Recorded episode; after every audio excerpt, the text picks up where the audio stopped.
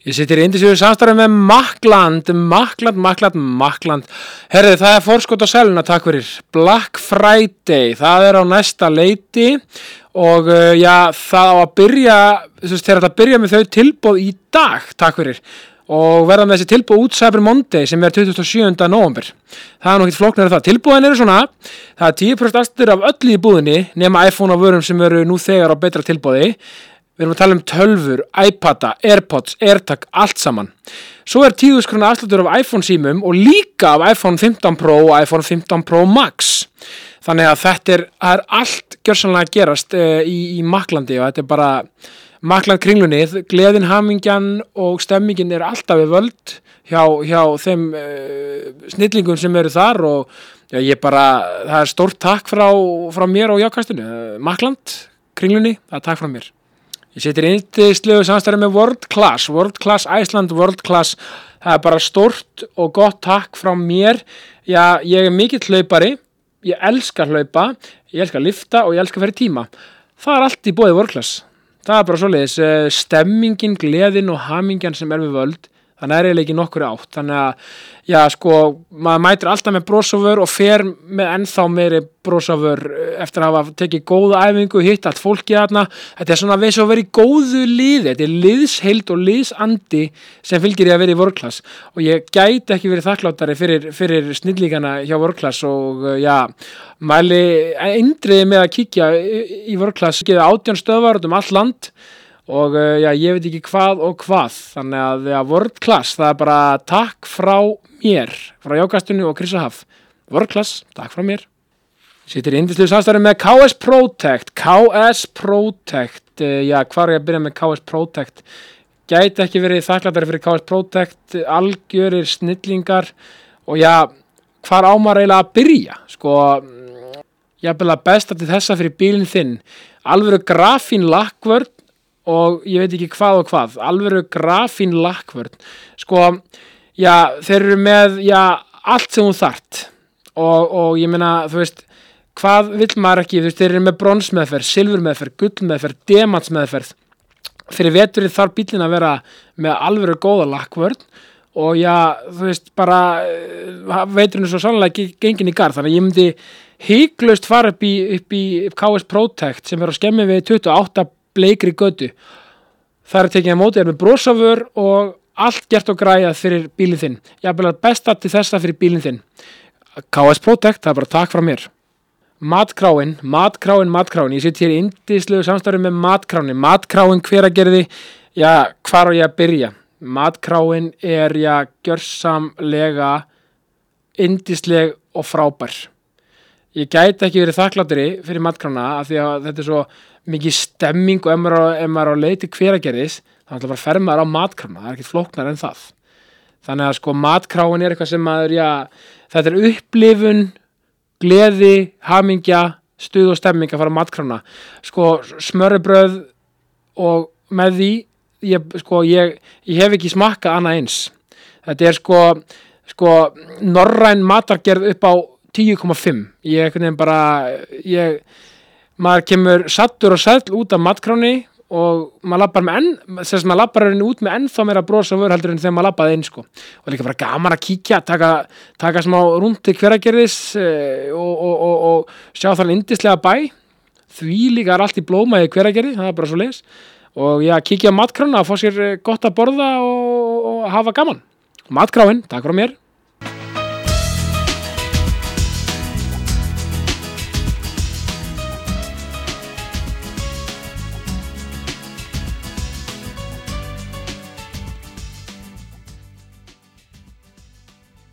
Viðar Halldórsson, velkomin í ákastið Takk fyrir, takk fyrir búið Já sko, ég er búin að þú ert búin að vera að drauma ég við með alveg til lengi. Og raunverulega frá því að ég var í, í, í tímanum eh, í, félagsfæra íþrótta á sínum tíma í Hái og þá náttúrulega vissi ég ekki einu svona að ég vildi hérna búið til podcast á þeim tíma það er nokkur á síðan, en hins vegar þá, þá var það áfangið sem hyllaði mig svo óbúslega og, og hér erum við komin í dag uh, sjá hvað lífið le, leiði manni á skemmtilega bröðir já, já, ef að fólk tengist og kynnist þá gerist alls konar hlutir í framhaldinu. Al, al, algjörlega. Og hvernig finnst þér að vera komin í svona podcast með yfirskiptina jákvæðni? Um, bara frábært, sko, ég held að þú veist að það er svo mikilvægt sko, bara viðþorf okkar er mikilvægt í Já. okkar daglega lífi og, og, og, og framkoma okkar og hvernig við sjáum hlutina og allt það og, bara fræðin segja okkur þetta líka skilur við að hérna, það skiptir máli að við reynum að sjá svona Uh, gefa af okkur og, og, og, og taka þátt í samfélaginu kringum okkur og þá líður okkur betur og fólkinu kringum okkur og sköpum við félagsauð í kringum okkur og algjörlega. allt þetta, þetta er bara allt, allt uh, snýst mikið um þetta og við sko gleymum þessu stundum en, en hérna, en, en þetta er mikilvægt. Já, þetta er mikilvægt og líka jákvæðin sko, ég er alltaf að tögnast með þetta með, með að því jákvæðin sko, það er ekki bara að bera ofan í partíi upp á borðum sko, það er þetta bara þú veist að vera einhvern veginn alls konar, leifa sér að líða og gráta og vera reyður og allt þetta og, en það er bara svo mikilvægt að fólk átti sig á því að, að jákvæðin er nákvæmlega allt en líka það bara, við í hvað, að því að öll eigum við ömulega daga og ömulegt, að margt lífi er bara oft ömulegt, það er bara þannig en við verðum, megum ekki missa okkur í ólæðinu sko. Já, ég held að líka sé bara svona mennskan Já, skilur við, að hérna stundum er samfélagið að taka það í eitthvað svona áttir svona meiri fyrring og, og, Já, já. og alls en bara þessi mennska er svo mikilvæg að hún er svona eins og segir, allar tilfinningaskalinn og allt þetta sko, en við getum leift okkur að vera mennsk sko. Al, algjörlega, ég er nefnilega hérna að því að hérna, nú er þú félagsfræðingur, ég er nefnilega svolítið að leika mér uh, að því að ég er að fara að skrifa BR ekki núna. Ég er svolítið að vinna með uh, og vonandi, ég, ég veit að það er, það er til eitthvað um það, en jákvæð félagsfræði. Nú, nú höfum við jákvæð sálfræði. Ég er svona, mist áhugavert að pæla svo hvernig félagsfræði Sérðu eitthvað vingil á þetta? Já, já, sko, félagsfræðin sko, hefur oft verið að horfa á vandamál samfélagsins Já, já. Og, og vill stundum svona breyta heiminum og bæta Þannig að félagsfræðin er, þú veist, hefur að horfa á, á stjætskiptingu og, og hérna og afbrot og alls konar svona hluti og verið að skoða þú veist, hvað gerist fyrir fólki sem er í neðri lögum samfélagsins og með kannski lausna að leðaljósi Já, og svona bara vekja aðtigli að vera málsvara þessa fólks Einmitt. Málsvara þeirra fólk sem hafa kannski ekki málsvara.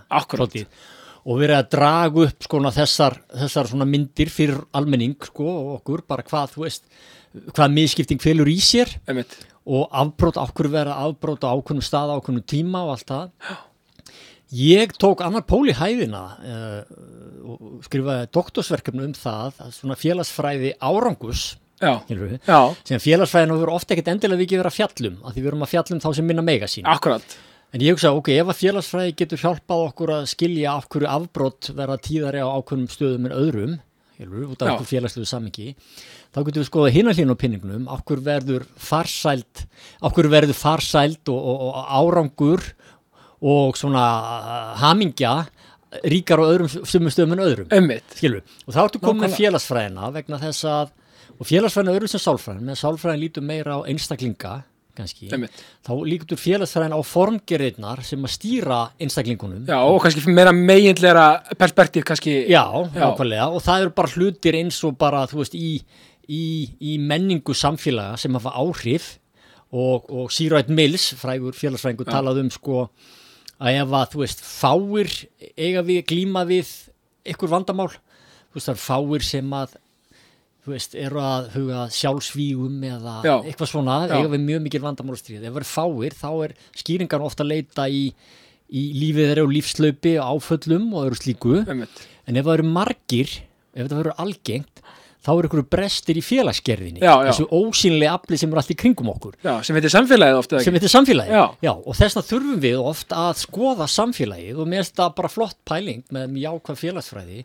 Hvernig getum við byggt upp samfélag sem að gera það verkum að fólki líði betur Einmitt. og allt þetta. Og við sjáum núna einmannaleikir og aukast, já. alls konar ángist og hefur þetta orðið algengt, kulnun á Íslandi, Já, já, já. þá er ekkert endilega eitthvað að einstaklingunum, það er eitthvað í samfélagsgerðinni, það eru brestir í samfélagsgerðinni sem gera það verkum að stórir hópar fólks finna fyrir slíkum enginum Akkurat. og þarna getur félagsfræðin komið inn eins og segir jákvæð félagsfræði. Hvað, hvernig við byggja upp samfélag, hvað er það sem skiptir máli til að einstaklingunum yfir línuna, heilt yfir líði betur? Já, þetta er mjög góð pæling af því að þetta er ótrúlega gaman líka að heyra þetta svona djúft af því að þetta er bara til einfalda, þetta er bara jákvæð svona, jákvæður andi já, með jákvæðina vopni að reyna að leysa stór vandamál sem er náttúrulega frábært og, og það er náttúrulega, og þú náttúrulega líka sko, þú náttúrulega ferði í, í, í sko nota benni mikill lestirmaður eða ekki? Jú, íþróttunum, ég Já. held með Leicester City. Le, já, og, og er það að því að þú náttúrulega tókst sko þannig að Póli hæðin að fara í ja, félagsfæra íþrótta eða ekki í, University of Leicester eða ekki? Jú, ég fór og sundaði nám þar mestarnám, Já. kringum aldamótin. Já, og þá svona fór ég, lærði þetta sérstaklega og, og þá svona, þú veist, sér maður svo hluti eins og misskiptinguna, þú veist að það er ekki auðvelt að halda með bestu liðunum sem er alltaf mestara, sem eiga mestu peningar og mestu bjargirna, já, já, en það er þetta svona að halda með lítilmagnanum svolítið, sem er að spila svolítið með hjarta og, og, og stemningu. Já og menn á þeim tíma sko hafa Leicester á sko Filberstrít eða ekki? Jú, jú, við erum fyrirbært og við vorum svona, þú veist, og Lester var ekkit sérstaklega og átti lítið af penningum og tók þetta svolítið bara á stemningunum. já, já, Og ég byrjaði svona smá skiptir og svo skipti ég bara algjörlíður og ég held með Liverpool áður. já ég, það er ég nefnilega þá í dag Já. og hef alltaf verið Og ég segi sko, í, eins og í fótbolti og íþróttir verða oft svona já, sérstaklega út í hennu stóra heimi sko. Já, já, líka bara hjá okkur. Að. Já. Og, og það er hérna, að, að það er svona, sumi lítið að það megi ekki skipt um lið. Nei, En ég segi sko, þú mátt skipt um lið já, niðrá við. Já, já, 100% Já, þú mátt ekki skipt um lið upp á við og vera ykkur glory hunter. Sko. Nei. Það, það er... og, það, og Liverpool City, það er ekki alveg Nei, og Nei. Ég, ég fór úr Liverpool í Leicester City já, já, já, og ég segi það má sko. akkurat, akkurat einmitt, það var í Manchester City, það var meira með þessu Já, það, það, það er vafasamara Já, þú veist, ég, þetta er hárrið, það má fara niður, það er algjörlega, er þú fæst ekki einhvern veginn í Evertón samt einhvern veginn, þá ertu búin að svíkja lítið alveg, sko. já, já, og það er, Nei, það er líka, En sko. þetta er líka svolítið áhugavert með félagsfræðina og íþróttir. Af því að nú er þú, þú varst mikið til dæmis að tala um, eh, já, var þetta landsliðin okkar og svona, og, þessi, og var ekki pælingi svo, þú varst með fyrirlestra svolítið um þetta, þessa einstöku stemmingu sem myndast hérna heima, eins og með annars og ég held að ástæðu sko Ísland átti alveg frábara frábær tíu ár í, í íþróttum frá 2008 Vorum basically bara Leicester City Já. International Já, bóltans. og ekki bara sko í öllum okkar helstu hópiþórtum Já. þarna fær handbóltalandslið, velun á olimpíuleikum og Europamóti, Já. fyrstu velunin þarna kem fara klassmyndulættin kalla sem fyrir á HM og Já, já. EM og allt það sem við þekkjum Kvennalandsliði fyrir á fjögur stórmót Já. Kvennalandsliði handbólta fyrir á þrjú stórmót Kallaliðis körbólta fyrir á tvö stórmót Já. erum tvöfaldar Evrópumestri í hópfimlikum það gerist alltaf tíu ára tímabili Það er sem, er alveg magna Já. og ég er búin að vera með fyrirlest um þetta út um allan heim Já, einmitt. út af fólki þykir þetta alveg stórkostlega merkilegt og hefur verið bóðið, hefur verið bóðið hinga á þanga að og eitt partur af þessu, að því þetta er svona jákvæði hérna og allt það, Á- Jákastið, já, já. að þegar að sko, ef við ætlum að eiga lið sem að eru geta svona uh, geta náð lengur en við kannski höfum svona bjargir til. Já, já, það við erum kannski ekki endilega með bestu og stæstu leikminn í heimi. Þá verðum við að byggja þetta á rosalegri stemningu Já. og leikleði og vinskap og, og þessu íslenska hjarta. Já, og þegar við erum með það þá er það rosalegt vopn fyrir okkur vegna þess að við lendum stundum móti liðum sem hafa þetta ekki eins og er Ísland vann England á EM í fótbolta sko. það voru bara 11 einstaklingar Já. allt stórstjörnur en það var engin samkend, það var engin leikliði það var Nei. engin samheldni sko, það, var, það voru bara einstaklingar akkurat. þannig að við verðum að hafa þessa miklu liðsild og þessa leikliði en við erum ekkert alltaf með það Nei, og ég er stundum að nýta í þessi lið þegar ég sé það að það vantar þetta, þá er ykkur vinna bara sem er óunnin í liðunum og við gleymum stundum og þetta er eina sem okkur má ekki vanta. já, þetta er eina sem ekki vantar Já, en við gleymum stundum hlutunum sem kom okkur þangað sem við komum og þegar árangurum kemur þá ætlum við að fara að gera hlutun öðruvísi spila annars konar fótbolta og, og leikmenn verða kannski pínu stórir og allt þetta. Já, já. þá ætlum við að taka þetta á öðrum forsendum og þá, þú veist, við, við erum ekki með forsendur í það. Nei, nei, nei, við verðum alltaf að hafa hjartað, leikliðina, stemninguna og allt það, það á að vera fyrsta forsendan í íslensku landslum Einmitt, og verðist vera líka, sko, það magnaði maður rýnir þessi, bara tökum bara kallalarslið í fótballa sem dæmi, þegar voru sitt besta. Hér koma örstuð skilabóð frá mínum frábæru samstarfsað. Ég seitir í indisur samstarfi með Dirty Burger and Ribs, Dirty Burger, Dirty, Dirty, Dirty, já, mitt gótu núna er, er alltaf gráðastofburgarinn, ég bara, ég dyrka hann og dái. Já, sko, ég hef líka verið svolítið að vinna með chili mayo borgaran sem er náttúrulega alveg gjörsamlega frábær og, og indislegur. Já, og hvort sem það er í austustræti eða á, já, nýja staðnum sem er að opna bráðum í felsmúla. Meirum það síðar þegar það er gengið í garð. Það, er, það verður sko stemming stuð og fjör sko það sem ég líka svolítið að vinna með á Dirty Burger Ribs, ég er einhvern veginn ég er rosalega mikill aðdáandi líka með krispi kjúklingaborgaran, ég, ég er svo mikill kjúklingaborgara maður að með krispi kjúklingaborgarin sko, vá, það er ekkert smáræði. Pipar mæjálaukur, tómatar æsberg og uh, pipar hvítkál kjú, og djúbstættu kjúklingur. Þetta bara gæti ekki verið betra. Og uh, já, ég bara mæli með þeim að ætla að eiga sér glaðan og góðan dag að fara á Dirty Burger Ribs og hafa gaman. Hægt að hóra fótballtaleiki í sjórpinu nýri austrætti og bara hafa eindislegan tíma með, með vinum og vandamönnum Dirty Burger Ribs, það er bara takk frá mér Ég sittir í indislegur starfstafri með Netto, Netto, Netto, Netto, það er bara takk frá mér Netto. Mín Netto-vestlunni þar sem ég, ég býði lögadalum, hún er uppi í Lámúla. Bara sko því lík vestla og, og bara ef maður þarf eitthvað þá fer maður í Netto. Þú veist, mér vantaði klaka um daginn, mér langaði í súkulaðiköku, mér langaði í, þú veist, bara, mér vantaði pappadiska, þú veist, mér vantaði, mér vantaði, vantaði gott nýtt og fæst brauð, veist, bara það er allt í netto sem hún þart allt fyrir, já, allar aðstæður hvaða máltíð sem er af, hvað, hvaða starðagráðu sem er bara skiptir engum máli og faraði í netto, takk. Sko, eh, appið netto appið, eh, maður fær sérst 2% eh, af öllum innkaupum í formi innegnar ef maður notar appið hvort sem maður vestlar í búðinni eða pantur á netinu og svo bara vil ég þakka netto og, og samköpum bara kærlega fyrir já, þessa frábæru jafnrétti stefnu sem, sem þau eru með og bara sko og allir að kynna sér það hjá samköpum og netto hversu magnar hluti þau eru að gera í, jafn, í, hérna, í jafnrétti stefnu og, og jafnréttis málum bara takk að, að það er stort takk frá mér og, og jákastinu netto, það er bara svo leiðis ég meina og með þessum gildum, með, þessu, með þessari samhælni, en það kom alltaf ykkur ótrúlega einstaklingsmóment eins og bara frá veist bara, ykkur að setja hann bara upp í vingilinn úr aukarspilnu eða eitthvað slíkt, það, úr þessu ykkur nefnir myndast núningur, af því að þetta er svona momentum er ósað mikilvægt orð í Íþróttum býsti við, að vera Já. með þennan momentum sem við, við vorum með Já. galdrarnir verðast alltaf gerast þegar þessi stemming á hlut. Já, sko, þegar að, þú veist, ég vinn mikið með lið líka og það er okkur þetta að að liði getur orðið eitthvað meira en summa einingarna sem mynda það Já. og það fælst í stemningunni það fælst í þessu félagslega afli sem verður innan liðsins það sem að leikmenn fá stuðning hvort frá öðrum já. þeir fá trú hvort frá öðrum já, já. og það myndast svona eitthvað, eitthvað momentum eins og þú segir það myndast eitthvað stemning sem gerir það verkum að það einhvern veginn bara að lið brotna síður hlutinni falla meira með þér og allt þetta. Og þetta er þetta félagslega app sem ég er alltaf að reyna að koma til skila ekki bara í íþróttum heldur í samfélaginu. En fólk á mjög erfitt með að átt að sjá þessu og skiljanlega vegna þess að þetta félagslega app er ósynilegt já. já, já.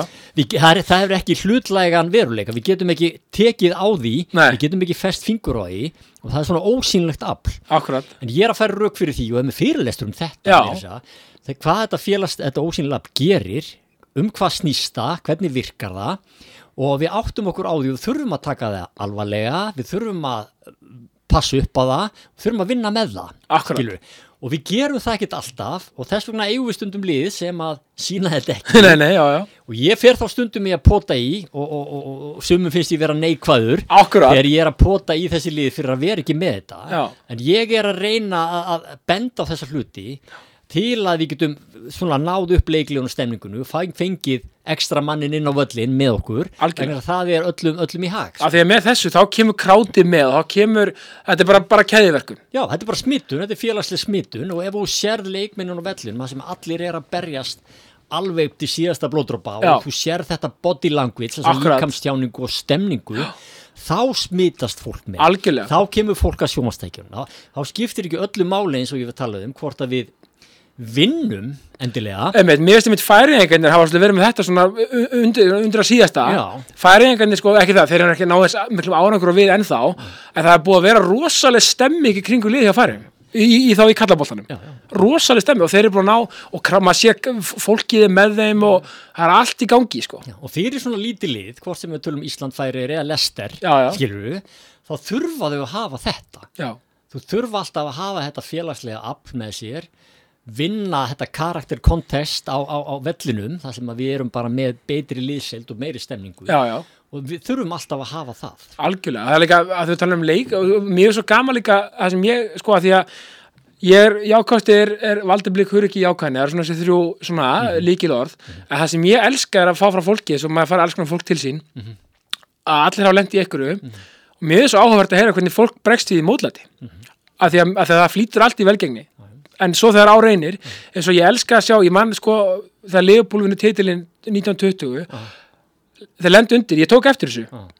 lendu stundum undir og það er alltaf þetta sko, nú er ég að gera svona handarhefingar maður sá bara að fann dæka að því ég fór á völlin stundum nokkur sinnum, það er bara alltaf heil, allt í góðu bara snúa, snýr svona fingrunum áfram gakk.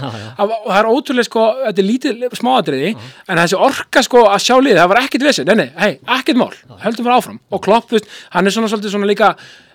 góð, hann geti að lappa hann í Apple fyrst mér held ég að bara stjórna því þessu herfóringi því hann er bara með hann karisma og þetta mann mannsmenn dæmi og þú veist, það, það þarf alltaf að spila saman og kráti trúði líka sko. Já.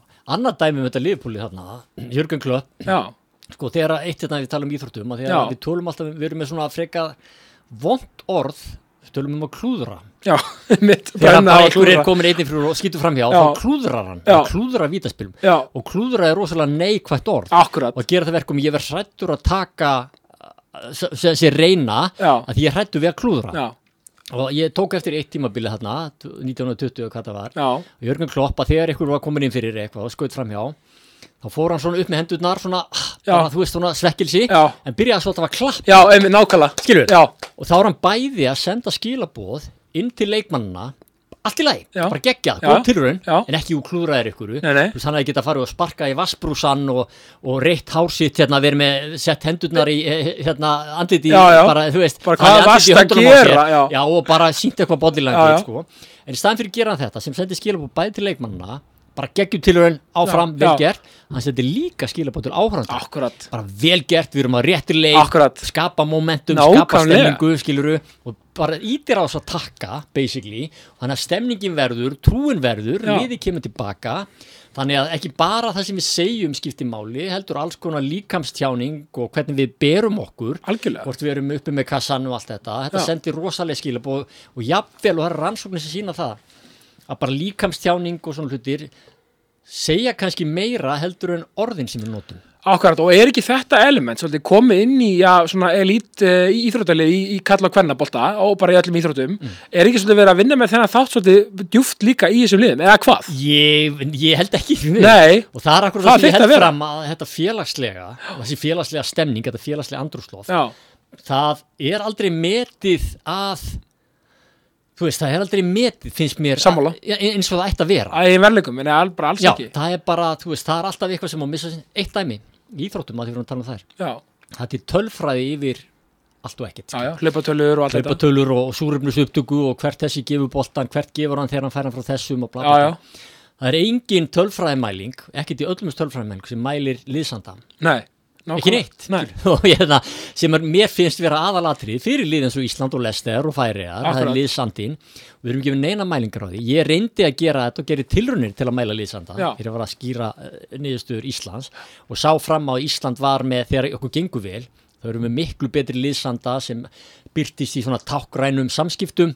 meira thumbs up, high five Já. meira auksamband, eitthvað svona. Þú veist, meiri jákvæð skilaboð manna á milli. Einmitt, bara, bara eins og þetta litla sem þú varst að tala um hjá klopp bara svona, þú veist, ef ykkur Já. klikkar eitthvað bara, hei, allt í lagi, bara kem, eitthvað svona bla bla, þú þetta hefur með áhrif á fólk.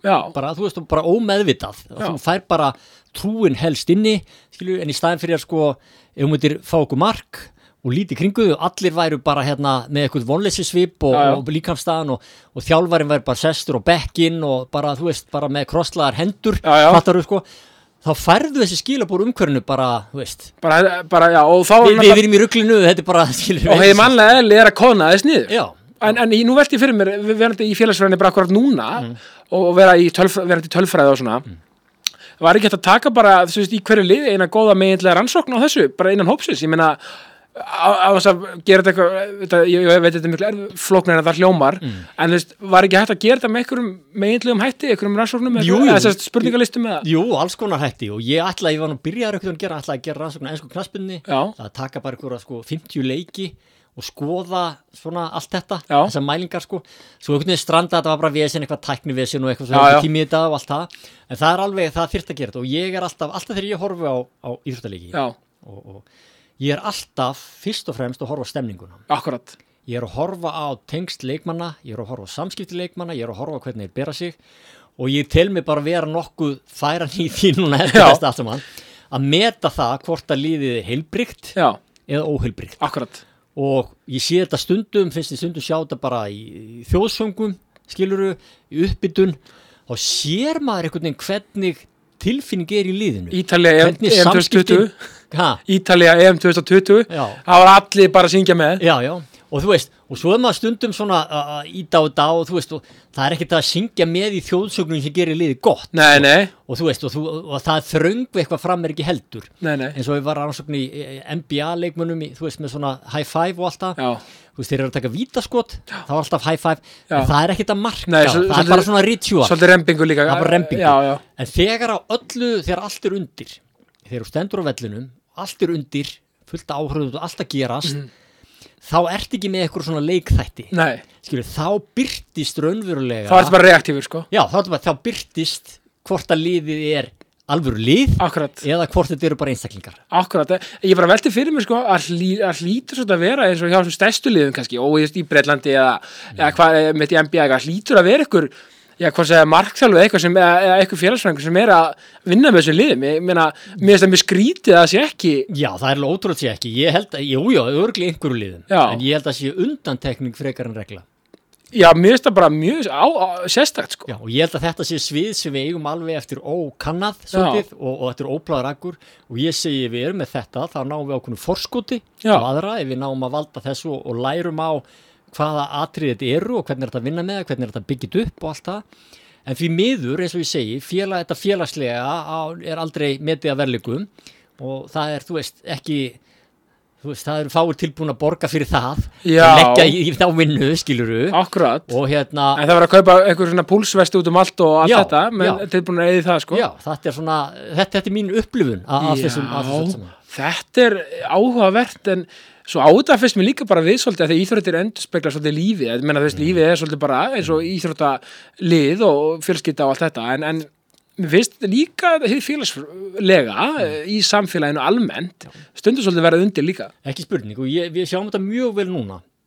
Það sem er að við erum að upplifa núna mjög sérstaka tíma, Já. breytinga tíma í samfélaginu. um mitt, Það sem að tæknin er að taka svolítið yfir. Skilur, við erum að fara að nýta þessar tæknilausnir í allt okkar líf. Já. Við erum með snjallækin okkar og við erum með hérna, eh, fjarnámi og fjarvinnu og við höfum, hérna, förum með sjálfsafkristlukassa í búðum og já tölum við spjallmenni og ekki hvað og hvað sko. og það er nú þannig þetta er það kallaði svona tæknileg skynnsemisvæðing já, að tæknin á að vera skilvirk og hagkvæm já, og við erum farin að láta þessar forsendur um skilvirkni og hagkvæmni trompa allt annað. Akkurat. Það þarf alltaf að vera skilvirkt og hagkvæm já, en á sama tíma þá gröfum við undan félagslegum samskiptum fólks að því okkur finnst þau ekki mikilvæg. Akkurat. Og ég er að fyrirtækjum að segja sko, það er mikilvægt að fólk hittist hjá kaffikunni og spjalli saman bara, heyrðu, hvernig varst í leikurinn í gær? Og það er Akkurat. þetta er rosalega mikilvægt, þetta tengir bönd, þetta alls konar nýskupun sem kemur á alls konar hugmyndir, alls konar hlutir sem að hafa þetta í för með sér og ég segi þessi félagslegu samskipti sem að flestir telja bara frekar ómerkileg bara Já. það að bara chit-chat og bara algjör óþarfi og Akkurat. það bara stendur í vegi fyrir þessari hagkvæmum og skiluru og þetta má bara missa sig sko, þú- það er ekkit mikilvægt að nefndu koma í skólan þú getur bara lært allt á netinu Einmitt. það er ekkit mikilvægt að tala við kassastarfsmennu þú getur bara farið, þú veist, skiluru við, við, við, þetta er bara óþarfi allir er alltaf að drífa sig og flýta og eitthvað. já, já. en ég er að segja og, ég er að freyma þetta örvísa þetta er bara gríðalimi þetta er, þetta er bindi efni samfélagsins. Já. þessi samskipti, þessi litlu samskipti bjóð okkur um góðan daginn hefur labbað fram hjá honum. Halda hurð opinni fyrir ykkur, ná auksambandi bros, ef ég stoppa ef ég stoppa fyrir gangandi vegfaranda á gangbröð sem að bara svona nikkar til mín. Þetta er allt svona lítil atriði. Og þetta gefur maður svolítið svo mikið. Já, já, og það er, og það er sem ekki þetta er það sem ég vil kalla félagslegi töfrar. Já, nákvæmlega. Félagslegi töfrar eru þegar að fólk kemur saman eða hittist, sem bara einstaklingur A eða B hittast og eigi ykkur svona samskiptum. Og samskiptin fela í sér alls konar alls konar upplýsingar, skilur við, bara hvað er í gangi, hvað er á seiði, einhverja mælikvarða, nei, heyrðu, flott derhúa, hvað er þannig, ég er það komið með svona derhúa, það er flott að vera með svona derhúi, skilur við, felur í sér alls konar hugmyndir sem verða til, út af þegar fólk kemur á samskipti, þá fara samskiptin alltaf í einhverja áttir sem að kannski hvorugur reiknaði með, Akkurat. að því báðir aðilar hjálpast að að mynda samskiptin, þá sprettur upp eitthvað og það fari í einhverja áttir og með eitthvað fyrirfram gefna hugmynd að samtalinu mögulega og sem Já. sem fer í einhverja áttir Já, já. og einhverja hugmyndir fæðast, það sprettur eitthvað nýtt upp og svo verður svona tilfinningaleg smitun líka, það sem að við svona, veist, það sem að í flestum samskiptum þá þá hafa þau jákvæð áhrif á heils okkar hafa jákvæð áhrif á heilastarfsum okkar. Þegar við eigum í jákvæðum samskiptum hver við annan þá kviknar á heilastöðum sem að framleiða hormón og bóðefni sem lætur okkur líða betur Já, auka samhældni, draga úr streitu og svo frammeins og frammeins þannig ég segi sko að þegar við erum í nánum samskiptum fólk eða augliti til augliti samskiptum ekki gegn tólutæki þá verður til félagslega smittun eða tilfinningarlega smittun það koma þessar hugmyndir í meiri mæli og það verða töfrar með öðrum orðum sko samskiptin skapa eitthvað nýtt sem var ekki til áður. Nákvæmlega. Og samskiptin verði eitthvað meira en summa einingarna sem myndaðu það verður eitthvað nýtt til. Og ef að þessir aðilar, einstaklingur A og B sem hittust, ef þeir hefðu ekki hist þá hefðu ekki það sem félagslegu töfrum voru til. Hárið þannig að félagslegu töfrar, líti á, eru á svona kvarða frá í litlu magni í mikið magn. Já, í litlu magni eru félagslegu töfrar bara það að mæta gangandi vegfæranda góða kvöldi. E, e, akkurat, já. Og með því þá eru þetta að segja heyrðu, við erum í þessu saman, Já. við erum að viðurkenna tilvist hvers annars. Ég, ég, ég, ég lendi mikið í þessu að ég, ég hleypa eða hverjum degi sko, alltaf, alltaf á hlaupum. Já. að ef maður mætir öðrum hlaupara það er svona, við erum saman í þessu stöndum saman, Já, og það, það er er svo mikilvægt fyrir okkur sem manneskjur að Já. tilheyra. Akkurat, og þetta styrki nærsamfélagi, styrki tengsl okkar að tilheyra. Og þetta er í litlu magni, eða bara eitt bros eða ein hugmynd sem fæðist þegar við erum að tala hérna saman. Það eru félagslegi töfrar í litlu magni. Félagslegi töfrar í miklu magni er til dæmis bara eins og ástríða elskenda já, sem að bara held tekur mann og maður gengur bara á ykkur skýi og er bara algjörlega bara rafmagnað, bara, bara ykkur stórkostlega vel í já, já, skilu, það verða svona ströymar á milli fólks að því við höfum áhrif á hvort annað. Akkurat. Og þetta er það sem ég kalla félagslegi töfrar. Og þess vegna er ég svona vara við því þó að tæknin geti reynst frábær með eitt og annað og auðvelda okkur lífið og, og gefa okkur alls konar hugmyndir og tengsl út í heim og veit ekki hvað, séu rétt nótuð þá verðum við samt megum samt ekki gleyma þeir í þessari skynnsimisvæðingu tækninar við megum ekki gleyma því og líta fram hjá mikilværi félagsæra samskipta. Að það eru þau sem eru bindefni samfélagsins þeir eru þau sem stuðla veljan okkar og allt það. Og ef að þau skortir og núna er aðeins fara að höggva í þessi félagslegu samskipti Já, skilur við hvað gerist þá? Jú, við sjáum að innmannleiki aukin kvíði, skautun hatursorðræða Já. og allt þetta, og þetta verður til. Og rannsóknir sína það í taugavísinum til dæmis að það er bara allt annað að eigi samskiptum í auglítið til auglítið samskiptum eða í samskiptum með gegnum Zoom eða Teams. Akkurat. Eitthvað svona það verður áhrif á aðra heila stöðvar þannig að í auglítið til auglítið samskiptum þá sendum við miklu breyðari bóð til hvers annars. Það er ekki bara það sem við segjum heldur er það nánd og það er lykt af rakspýrunum okkar Já. og það er auksamband Blæbreiði og allt þetta. alls konar svona hlutir. Ekkert af þessu er í hinnum, hinnum samskiptunum í gegnum tækin og tólin Nei. skilur við og sem gera það verkum að augliti til augliti samskipti eru miklu betri til að stjúla veljan okkar miklu betri til að hjálpa okkur að setja okkur í spór annara já, samúð, samhugur, samstafa og ef að kvarnast upp úr þessu þá samst, samfélagi alltaf fyrtara hvað þetta varðar Já, já. og verra, meiri einmannleiki, meiri glæpir og allt þetta. Og við þurfum að passa okkur á þessu og halda ykkur í jafnvægi, við megum ekki gleyma þessum félagslegu samskiptum félagslegum töfrónum, þráttur virðist mjög ómerkileg í fyrstu þá held ég því fram að þau eru gríðarlega mikilvæg. Þetta er bara grundvallar byggingarefni samfélagsins, það er þessi litlu samskipti, þessi félagslegu töfrar sem myndast í, í hverstaslegum samskiptum bara fólks absolutt og líka mikilvægt sko að því að núna er ég líka að fara stafn fyrirlestra hérna, sem ég er svolítið að stíla úlinga uh, og heitir bara þú ert frábær og hérna ég, mér er svo mikilvægt hvað var þetta úlingan okkar og börnin okkar og svona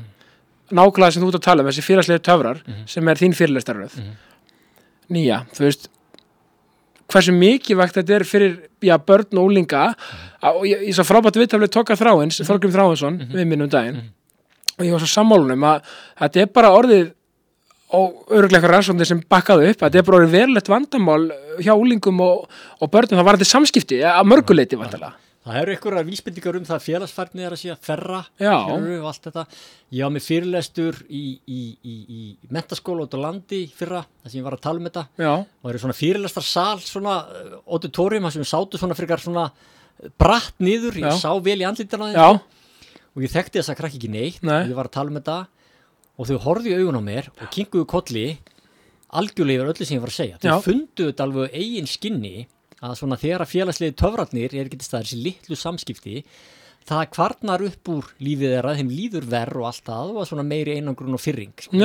og ég er alveg á því og sama má segja með eldri borgara 100% já. skilur, þú veist sérstaklega líka sem að það- þetta hittir verra á suma hópa en aðra Já. og þetta er bara gríðarlega mikilvægt mál finnst mér og alvarlegt mál ef að kvarnast upp úr félagslegum samskipti fólks í samfélagi, bæði fyrir einstaklingana og fyrir samfélagi sem slíkt. Já, líka því að þessi, þessi tæki þessu fyrir bara úlinga sem eru óharnaðir og, og já, bara oft er þetta bara börn sem eru með GSM, Já, já. veist, iPhone eða eitthvað, mér finnst það svo þú veist, eins og ég segi, tækni er góða að svo mörgu leiti, en, en það getur að mörgu leiti ekki annan ítt undir svolítið kvíða og svona vera bara allan daginn á TikTok eða hvað sem er sko Já. og, og þetta svona cyberbullying sem er kannski svolítið búið að grassera á og svona, þetta er, þetta er alveglega málefni en fólk átt að segja á Já, og þess að segja, ég er ekki að segja að tæknin eða ekki verið til staðar Nei, nei. en kannski, þú veist að við ættum að leggja meiri áherslu á samskipti og, og, og, svona já, og, fólk komið saman. Fólk komið saman. meina, þú veist, uh, allar þessa all einelti og það, þetta er miklu algengar á netinu en í auglítið auglítið samskiptum Já. vegna sem miklu erfiðar sko þegar þú ert í auglítið auglítið samskipt þá setur það meiri samúð, meiri tilfengilega Já, já. smitun og allt þetta og þetta sem er um svolítið í íþróttunum Þú veist, Já. bara tandum með Twitter og X-ið og það sem heitir nú Nákvæmlega. allt saman Já. það þóra rosalega margir að vera með svona já, hatus orðræðu í, í garð eitthvað sko Já, í, ge- í gegnum Twitter Já. en svo myndan hitta mann eh, leikmannin eða manneskina við ekki þóraði það sko er og allar rannsóknir sína þetta við reynum alltaf að, já, þetta er svona leikrit, við reynum alltaf að halda jafnvægi samskiptum. Akkurat. Þannig við viljum alltaf að þetta gangi upp. Þannig Akkurat. að þess vegna gerum við þetta miklu síður þar. En annað þú minnstu unglinga, það Já. er mjög áhugavert. Eftir ég fór í þessar pælingar allar þá er ég búin að vera að testa þessar hluti já, svolítið. ég byrjar að tala meira við fólk í búðinni já, skilur og gera alls konar hluti. Svona mikrorannsóknir. Já, virkar rosalega vel, þetta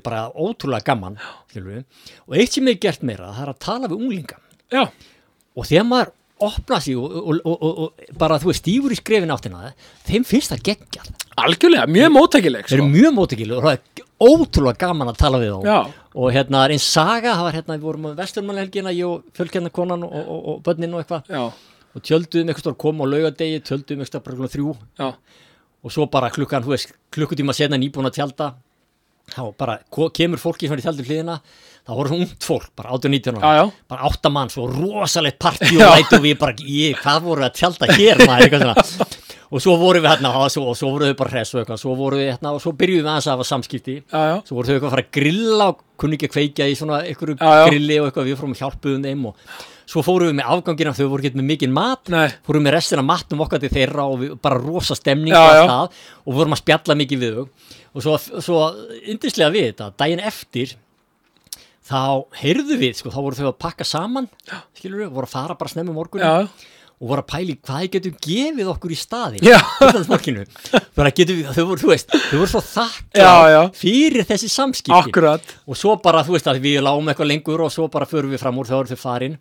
Þá er búið að íta svona nokkrum svona bara kók og appelsíndósum undir tjaldið Já. sko, og það var svona bara þakklæti fyrir Akkurat. þessi samskipti. Og ég voru var eftir fleiri stöðum bara þú veist að þegar maður svo bara tegi bara stígur skrefið Já, já. og opnar á eitthvað samtal alveg eins út í búð skilur við þú veist, ef ég bara opna á eitthvað samtal við Já, fólk er yfirleitt bara mjög jókvæmt við það Algjörlega. og oftar en ekki þá tekur það lengra skilur, já. ég stend bara hérna við ykkur bara, ykkur hann að kjúklingi bara ég ætla að segja kjúkling, já góðum ég er kannski með kjúkling líka. Já, og þá byrjar við fordæmi. Já, og þá kemur við komandi í staðan fyrir að segja bara, já, já, skilur við já, já, já, heyrðu, ég er að pæli að vera svona kjúklingapasta og hafa þetta og þetta. Þá er bara komin ykkur tenging já, já, skilur við, og ég held að fólk sé miklu, miklu, miklu reyðubúnara til að tala við ókunnuga á eigi samskiptum heldur en við höldum Já, þetta er líka svolítið partur af því sko, maður er alltaf búin að, maður er með hana dómar í sig, maður er alltaf búin að ákveða marga leiki fyrir með tíman, eitthvað svona, ég kalli það mental blocks, sem maður er búin að ákveða, að nei, þetta gerist ekki, því þetta mun aldrei ganga því að þetta og hitt sko, en eina sem maður þarf að gera, bestli bara gera það og byrja og veist það sem gerist er að maður fær kannski ekkit frábæð viðbröð það er læg. Já, Að þú veist, maður er alltaf búin að búa sér til eitthvað scenario. já, og ég er búin að vera að testa áhugavert. þessa hugmyndum mínum litla félagslega töfra Já. með þessu og það er bara, bara að vera er ég bara segi bara, fólk er bara mjög, þú veist, ég held að fólk vilji þetta innst inni, Já. vera í meira langt flestir, skilur alltaf, sumum finnst bara óþægild að fóra til búið og allt Við erum nefnilega flest öll löflétt sko. Já, já, við viljum öllum vel, skilur og við erum bara gott fólk, og við þurfum bara kannski að, að, að, að stíga upp aðeins meira skrifið er ísinn. tengja staðins og ef maður gerir þetta í sínu nærumhver, það er rosalega mikilvægt fyrir mann til dæmis að þekkja nágranna sína. Já, er mikilvægt að þekkja fólk í hverfinu því það býr til félagsauð þá verður svona sameilegur skilningur fólks að við erum í svo saman við pössum upp á hvort annað. Einmitt. alls konar tengslinn vitum manni alls konar tækifæri alls konar litla félagslega töfra þegar maður hittir eitthvað og allt þetta skiluru Þetta er bara er rosalega rosalega, já, og ég er, ég, sko, ég er alveg byrni hundra einum er hérna, hérna original one on one boys með unstinni Manuel og þeim, ég, ég leiði mér alltaf að segja það. Um, þannig ég þekki, þannig að það var rosa lokal einmitt, og ég fann rosa mikið fyrir hérna í þingoltanum rosalega mikið stemming, ég vissi að þessu í Vesturbæ, mm. núna bú, erum við á kirkjutegi í er oft kallað litli Stokkólmur og svona, sko, þetta er svona rosalega, eins og maður sá bara Halloween. Reykjavíkunni því lík stemming í hverfinu, Já. allir með krakkarnir, þú veist, við erum með fjóra og fimm ára sko, allir að fara í húsinu og allir til og, Já. og það er nákvæmlega þetta sem þú segir, maður finnur bara fyrir þessari stemmingu og þessum, þessari samheldni og allir í sama á, á róðusum átt Já. og þá má líka þessu við bara íþróttalið og svona, Já. Þarna myndast bara stemming sem er óutskýran, Já, þarna myndast svona samfélag Já. það myndast community akkurat og samfélag er okkur svo ótrúlega dýrmætt á þess að við áttum okkur að því Já, það hefur mikil áhrif á sjálfsmynd okkar, mikil áhrif á líðan okkar, mikil áhrif á tækifar okkar, mikil áhrif á, sa- á traust, mikil áhrif á hvort það er velgengu um í samfélaginu, Einmitt. allt þetta. og þarna væri bara, ég er stoltur lögdælingur Já, skilur nákvæmlega. ég fann bara fyrir frábært. því já, skilur, maður finnur bara fyrir þessu Já, já. Og þetta held ég að sé að við getum verið bara, þú, þú veist, og ég er svona aðeins að reyna að íta við fólki, fólk veit þetta alveg Já, já. innst inni, en þú veist, í lífsins amstri og tæknilösnindar og mikið að gera og allt þetta, þá finnst þér þetta ekki mikilvægt. Nei. Eins og íþróttalið, þau vita þetta alveg, en þetta er ekkit voðalega mikilvægt. Það er Akkurat. mikilvægt að gera þetta og hitt, sko. Og ég er þess vegna að reyna að- hefja umræðum þetta, að þetta eru félagslegi töfrar. Ef þetta eru félagslegi töfrar, það eru dýrmætir og mikilvægir og þeir eru náttúrlegir. Þetta er ekki eitthvað sem við þurfum að borga fyrir Nei. skilur, þetta er bara, þetta er bara viðþorf það er að gefa aðeins af sér þú veist, og allt Algjörlega. þetta og taka þátt í lífinu og tilvörunni Algjörlega. það er bara líkillinn og það er líka svolítið máttur í því að því að einmitt, maður talar um jákvæðni og þú veist og jákvæðni má ekki vera þetta eitruð og að því við tölum rembing á hann Já. þá má ekki bara koma með eitthvað innihæðslis rós og eitthvað svona, eitthvað rembing í því að því að það sjáð allir í gegnum það en það er líka þetta skilur já það er hérna, nú maður ekki alveg punktir sem er að fara að, en þú veist, það er bara þetta skilur að ma- maður verður að leifa þessu svolítið bara að flæða og vera svolítið bara svona þú veist, þetta verður að vera, þetta verður að koma frá réttum stað Já, og líka það eins og þú segir, má ekki bara allt vera, bara allt er geggjað, skilur við, Já. talandum í íþjóttaliðum, þessi grein sem gerur í íþjóttaliðum, Já. með stemningu, já, þú veist, íslensku liðið er miklu meira jákvæðum bóðskiptum einmitt, en já, En við þurfum líka að hafa einhver bóðskipti sem er ekkert endilega undir formerkjunum jákvæð. Stundum Akkurat. þarf að skamma leikmann í liðinu algjörlega fyrir að hlaupa ekki tilbaka. Og við erum með mismöndu skoðanir og við leysum þær ekkert nema að ræða þær. Nákvæmlega. Þannig að maður þarf ekki alltaf að vera sammálöldu sem sagt er, en maður þarf bara að bytta samúar skilningi. Maður þarf að segja, já ég skil hvað hann ert að koma, Akkurat. en mér finnst þetta, þú veist, og þá verður ykkur samúar skilningu algjörlega, og það er fræðafólk í Stanford í Bandaríkjunum sem er að skoða þessa polariseringu já, demokrata, republikanar Akkurat. Og þessi rosalegu þú veist, bara fylkingarna bara. bara gerast í bandinu, þetta Já. er alveg svakalegt. Og er að gerast náttúrulega víðar. Já, já. þessi rosalega polarisering. Og þeir hafa verið að gera tilunir með það að fá fólk, fólk til að koma saman.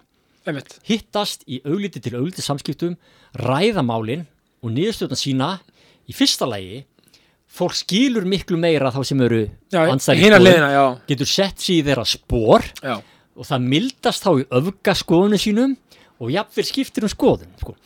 og þetta gerist þegar fólk kemur saman. Það eru fyrirslega töfrar. Það, það eru klárlega félagslega en það er betur. þetta að við getum verið ósamála algjörlega, en við verðum að eiga samtalið og og, og, og, setja okkur í spór annara það eru aðrir Algjörlega.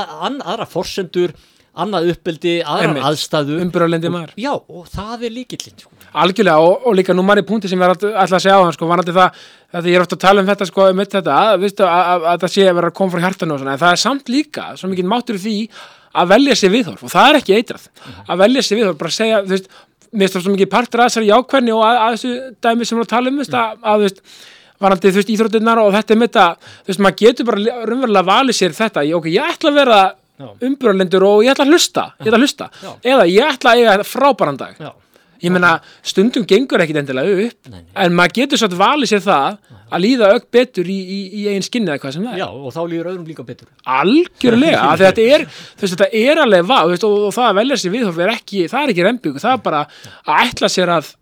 Að eiga góðan dag. já, það er bara ákveðna forsendur Já, sem þú gengur út frá. Skilur, ég ætla að gera þetta þessu, þennan hátt. Emmitt. og með félagslega töfra, ég er búin að gera þetta núna í marga mánuði, þá er ég búin að stíga svona meira skref ég bara tók það ákvörun ég ætla bara að testa þetta með að vera bjóða oftar góð kvöldið og, og allt þetta. Þetta er alveg frábært. og veistu hvað, ég vil bara segja, ég var að hugsa um þetta bara um daginn. Já, mér hefur bara liðið sjálfu miklu betur. Já, er það ekki nefnilega? Jú, og það var ekki það sem var tilgangur ég var bara að testa hvernig þetta virkaði Já.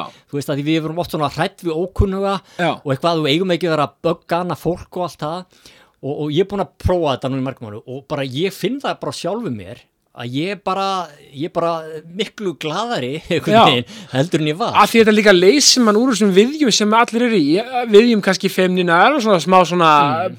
að, að, að brjóta ísindæmið Já.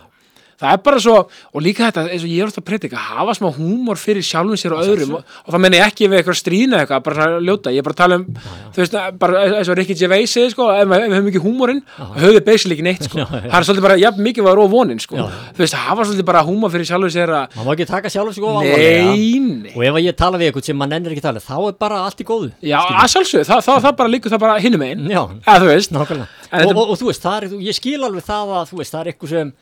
nennir er er, er ekkert að spjalla í kassan í krónum Já, já. ég er bara fullan skilning á því en það sem við komum á óvart það. og þess vegna kannski, kannski líður mig vel og betur já, að mér finnst bara að nánast allir þú veist, það er algjör undatekninga tilfelli ef einhver tekur ekki undir af einhverju svona innlægni finnst mér já, Skilju, þannig ég hef trú á það góða í fólki, ég hef trú á fólk vilji öllum vel, ég hef trú á fólkið samfélaginu vilji eiga meiri samskipti, Já. skilju, og vilji verið í samfélagi sem er vinalegra, skilju, og hjálplegra og finna þessa samkend og samvitund og allt það, en er kannski bara pínu feimi við það, út af því að það er búið að ít okkur svolítið í þær áttir, að í tækni áttir, það er búið að ít okkur þær áttir að að við eigum ekki vera, þú veist, að, að tala við ókunnuga, ókunnur geti verið hættulegi, bla bla bla, skiluru, og þá, en ég held að þetta sé bara akkurat öfugt farið, að, að við erum bara öll, bara góð, við viljum öll börnunum okkar vel, við viljum öll fólkinu okkar vel, við viljum öll skapa betra samfélag, en við verðum að gera það með samtalin og við gera það saman, frekar en að láta tó okkur hver sikkur áttina og ekki samskipti. það er henni mjög auðgafullt frávik ef maður pælir í því að lenda á okkur sem er bara ekkit eðlilega ómótækilegu fyrir svona. Eða skilju, þú veist það ég bara, ég lendi líka aldrei á einhverjum þannig, sko. Nei, og ég læt nefndum mínu núna gera sko, sko, að við tökum alltaf eftir hlutunum sem misfarast. Já. Skilur, við getum talað við, ég get sagt góðan daginn við tímans, það er eitt sem býður ekki góðan daginn. eins og Jordan sagði að öllum skoturum sem að tók það er þessi sem að klik- klúraði á augustundu þau sem standa upp úr og, og, og skikja á allt Já, sem skikja á allt og hugsa þér. Og ég hef látið nefndu gera, fari ég heil heilan dag, það sem þetta skrá hjá sér, öll bara þessi litlu element. Og þegar ég hitt ykkur, þú veist, bjóð góðan daginn, ykkur heldur hurðopinni eða gefur bílinn stefnuljós eða stoppar hann á gangbröð og allt það. akkurat, algjör undan tekninga tilfelli þar sem að fólk ber ekki svona virðingu fyrir öðrum nei, einmitt skiluru, en við verðum þess að rosalega pyrruð ef einhver gefur ekki stefnuljós eða einhver segir eitthvað hranalega við okkur eða heldur ekki hurðinu opinu fyrir okkur Já. og það er það sem við munum, Munum það, já, en við nákvæmlega. gleymum öll hinn sko 99 skiptin þar sem allir eru bara að taka þátt í þessu saman Akkurat, ég verðum að talandi um þetta og að því að við- það er svo gaman að einhverja íþrautir í þetta sko Já. ég var að hlusta frábæð podcast með John Terry Já. fyrir fyrirlega Chelsea og hann er nú alls konar eins og hann er Mhm. en hann er, þetta var gott viðtal og hann, hann var að segja sko, hann tala fyrir mér bara að vinna alla, bara að vinna allt sem er að vinna og bara, þú veist, örgulega hundra lastleiki fyrir England og bla bla bla en það sem hann sagði að stæði mest upp var þegar hann rann á vítapunktunum í Moskvu og, og þar með klúraðist meistaradeldi fyrir Chelsea og hann sagði að ef við hefum ekki unnið sem meistaradeldin árið 2012 mm. nokkrum ára setna þá hefði hann bara verið bara eitt eh, lestar slís bara, bara líku við restina lífinu sagði, sko. Af því að það hefði verið svo sárt. Burt sér frá öllu öðru sem hann vann. Þess vegna held ég áfallið svo fyrir Steven Gerrard minn, eitt af minn uppáðast leikmannum að hafa ekki náða að vinna já, það, og hann hefur sagt það sjálfur að situr ekkert smá mikið í honum. Enn þann dag í dag. Já, Þetta er svo sko. hugsaðir þessar skinjunavillur okkar. Það. eru rosalega sterkar og, og, og hafa mikil áhrif og þess er mér kannski mikilvægt og eins og þetta þessi þáttur sem út með hérna já, að hvetja til umræðu Nákvæmlega. um þessar hluti að fólk átti sig á því og fái þessi skilabóð og kannski aðeins hjálpi svona bara ok, hvernig á ég að nálgast hlutina? Og er þetta það mikilvægt og allt það? Ég líka bara að reyna- umræðina já, sjálfsög, ég líka bara að reyna svolítið að snúa þessum spíral, því að spírallin í, Mm. í, í, í samfélagi manna er oft svona neikvæð, fjölmiðlar þetta fjórðavald Já, neikvæða fréttir verðast alltaf ve- fá yfirhöndina, það er aldrei bara eitthvað Chris og við með frábært podcast, Mm. tölum frábæra hluti það er enginn endur að klikka á það. Það frekar bara einhverjir algjörir harmleikir eða einhverjir hjá einstaklingum eða, eða þjóðum eitthvað slíkt sem fólk svona leitar í. Og veist það kannski mann eitthvað eðla einhverju leiti en ég vil snúa þessu, ég vil að við séum meira þar að, að, og, og líka bara að fjallum eitthvað sem er jákvætt. Það, það, það er óbúslega margt neikvætt í gangi heiminum sem er umulegt en það er svo mikið jákvætt líka. Já en, en, en punktur er þessi, mjög góð punktur er þetta neikvæða, það er það sem er fréttnæmt. Akkurat.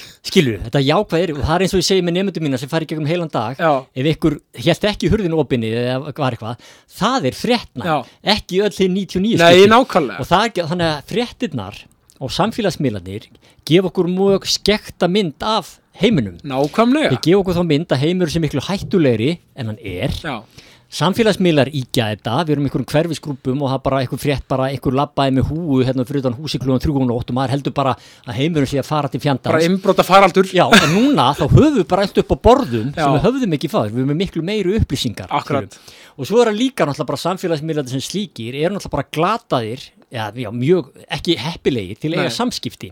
Akkurat. Ég, þetta er miklu meira mér finnst samfélagsmiðla að vera bara eins og ferilskráðun okkar.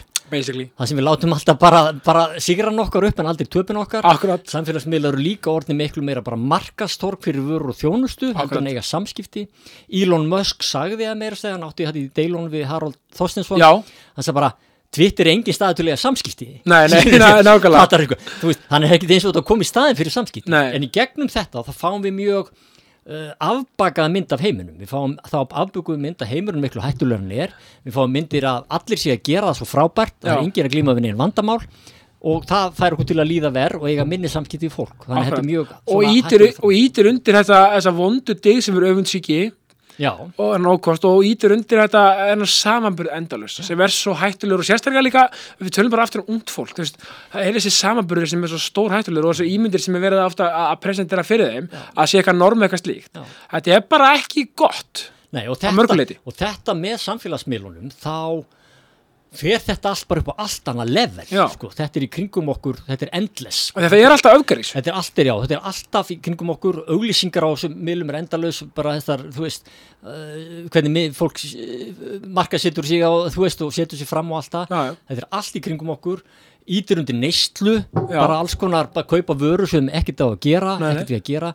Þannig að sumir segja sko að, að tæknivæðingin hún hjálp okkur að gegn hlínun jarðar, hamfarhlínun já, ég bara spyr er það kannski, sko, nú þetta snýst um allt um sölu og vöru þjónustu já, já. við kaupum miklu meira af dóti og drasli en við höfum við að gera þetta er allt framleitt, eitthvað staðar allt annar staður og flutti ykkur skipum og þú veist allt þessi rosalega neysluvæðing þetta Já. ítur undir að Algjörlega. þetta eru allt sölumiðlar þannig ég leifi mig bara efast um það að, eh, hvað- þú veist, hvort þetta fari eitthvað út í pluss sko, að við þurfum ekki að ferðast eitthvað fattar við, Akkurat. heldur bara sittast á Zoom vegna þess að við kaupum bara miklu meira ykkur alls konar drasli í staðinn og, og, hérna, og það hefur bara mjög slæm áhrif á, jörðinu okkar líka sko. algjörlega bara, bara, þannig að maður hætti segja að Já, það að vera með þessa félagsfræðilegu þætti í lægi, Mm. það eigur mögulega sjálfbartin líka. eða sko að mörg leiti Já, ég held að bara sko, þú veist að það er hægt sko, þú veist, við erum samfélag sem er kert áfram af á einhverjum ofsarhraða og einhverjum neyslu menningar samfélagi sko. Mm, já. Og við erum að kaupa okkur þá aðganga að einhverjum svona fjöldaframlutum töfrum já, já, sem eru nægskór og fött og eitthvað, Já, við, í staðan fyrir að fá það í umhverjum kringum okkur. akkurat. Þannig að sækja í, í vöru á markaði, það er oft bara einhver svona uh, í staðinn fyrir okkur, okkur vantar eitthvað annað.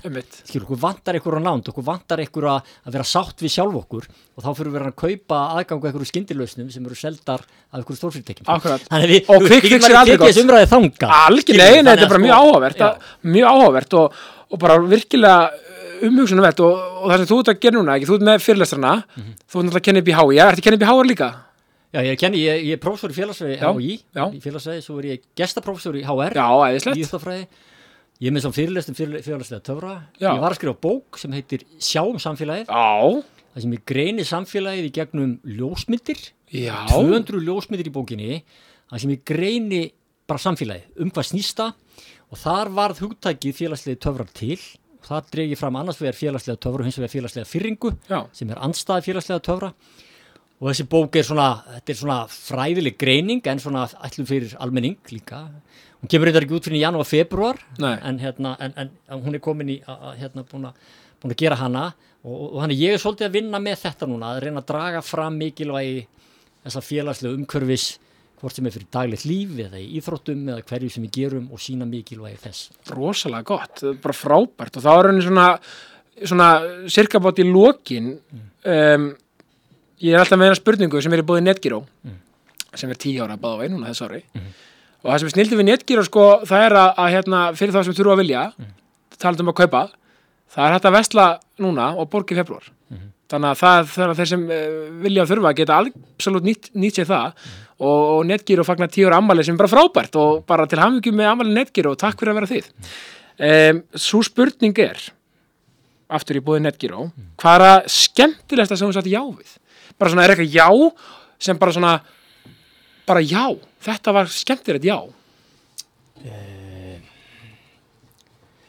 Ég man ekki eftir neinu en Nei, ekki í fljótu bragði. Yfirleitt bara allt?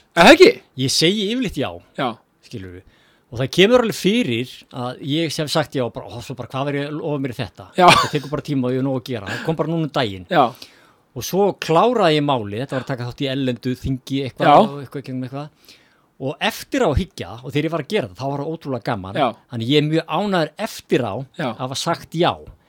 Skilur þú veist, og ég segi ég stundum hugsað þetta, ég segi of oft já en það er eiginlega mjög sjaldan eða teljandi fingur mannar handar sem að ég sé eftir ég hafa sagt já. Akkurat, meðan öll því 99% tilfellin þegar ég sagði já þóttir ég var svona bæði og þá var þetta alltaf gott? Þetta er eins og með, með að, kemur hérna, alltaf eitthvað gott út úr því. Já, þetta er eins og að, hérna, að fara út með hundin skilur það er bara brjála veður og skýta veður og maður nennir ekki sko.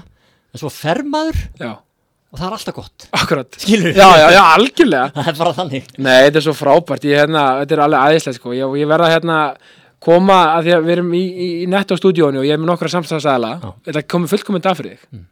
Byrjum daginn í vörklass og tökum æfingu alveg æfingu, svo förum við að þegar föstu dagur, þá förum við að dörti böngur rips og fáum okkur smá karblót til þess að jafna út æfinguna. Okay. svo við þurfum alltaf í matinn fyrir helgina þá förum við í netto og veslum bara allt sem þarf. Svo var ekkit vittlustur í veturinn að fara í, upp í KS Protect og lakkverja bílinn. Það er eitthvað sem maður þarf alltaf að vera með upp á tíu sko. Svo náttúrulega, þú ert með iPhone, sé ég. Þá bara að fara í Makland, eða þið vantar nýjan iPhone þá bara setja þennan upp í og kaupa nýjan. Það er hægt að græða það, ekkert vesen. Já, svo náttúrulega bara hvet ég alla til að fara til hveragerðis og taka roadtrip og fara á matkrana að borða. Mm. smörri, Ég get það, já. smörribröð upp á tíu sko. Alveg ekki, ekki eitt smá gott sko. Þannig að ég er hérna með indislega samstæðstæðal og ég þakka ykkur kærlega fyrir og, og náttúrulega netgýr á tíu ára og allt þetta. Sko um, mér, það er eitt sem mér finnst áhugavert líka. Uh, er eitthvað svona já, óvænt áhugamál sem þú ert með í, í kringum allt svona sem þú ert að gera? Eitthvað svona sem kannski fólk myndi ekki átta sig á endilega að þú varir að Já, það er tvent sem að ég sem ég geri, að ég tek sjálf með ekki of alvarlega. Já, sem er frábært. Já, en ég er mjög lélur í hvortvekja Já. en finnst það mjög skemmtilegt. Já, Eh, Eitt er það að spila trommur.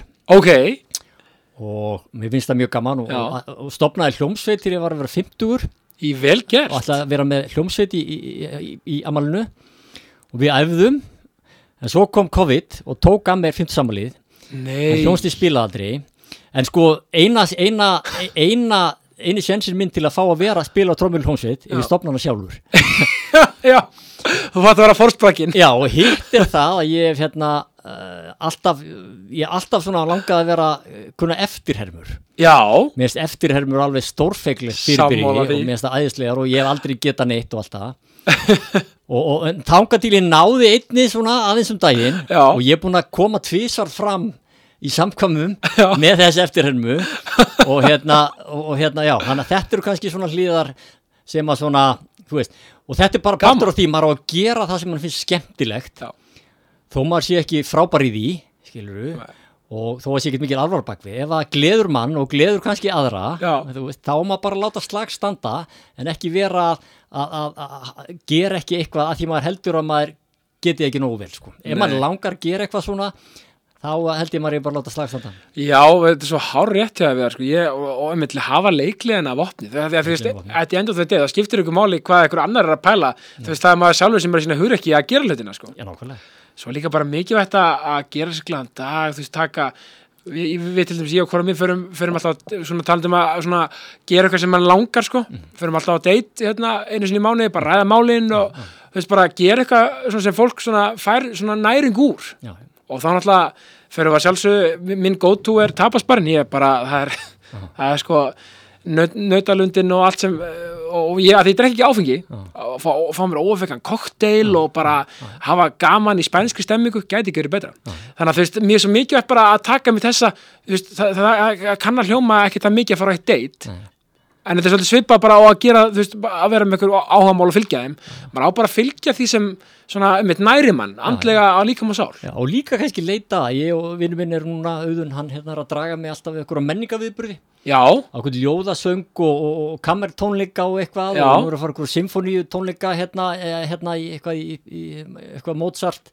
Upp í, Langkorskirkju held ég í desember þú veist, að, þú veist, að fara alls konar prófa hluti þá hitt þá er öðruvísi fólk á þessum stöðum Já, þú já. veist, og kynnið og það bara verður svona lífið einhvern veginn svona verður svona uh, meira svona uh, Að meira me, meira rits. Já, veist, það er svona, maður sér meira fjölbreytnina og, og maður kann betur að meta það, skulu, hvaða er fjölbreytt og, og, og stórkostlegt bara ef maður, pælir í þannig sko. algjörlega, bara 100% og þá er það bara lokið við þær, bara kvartning frá þér út í daginn fyrir fólk Eh, bara eh, make magic sko. Make ba magic? já, bara hérna bara eh, látið verða því að búa til félagslega töfra í kringum ykkur. Bara með því að bjóða ykkur góðan daginn eða tala við fólk eða brosa til einhvers og halda hurðinu opinu fyrir ykkurum eða, eða hvað sem er. Og, og, og ef þið brosið þá brosir heimurinn við ykkur tilbaka sko. gæti ekki verið betra. Við að takk kella fyrir komin í ákastið og ég enda bara því að segja ást og friður. Takk fyrir mig, gaman að koma. Sömulegis takk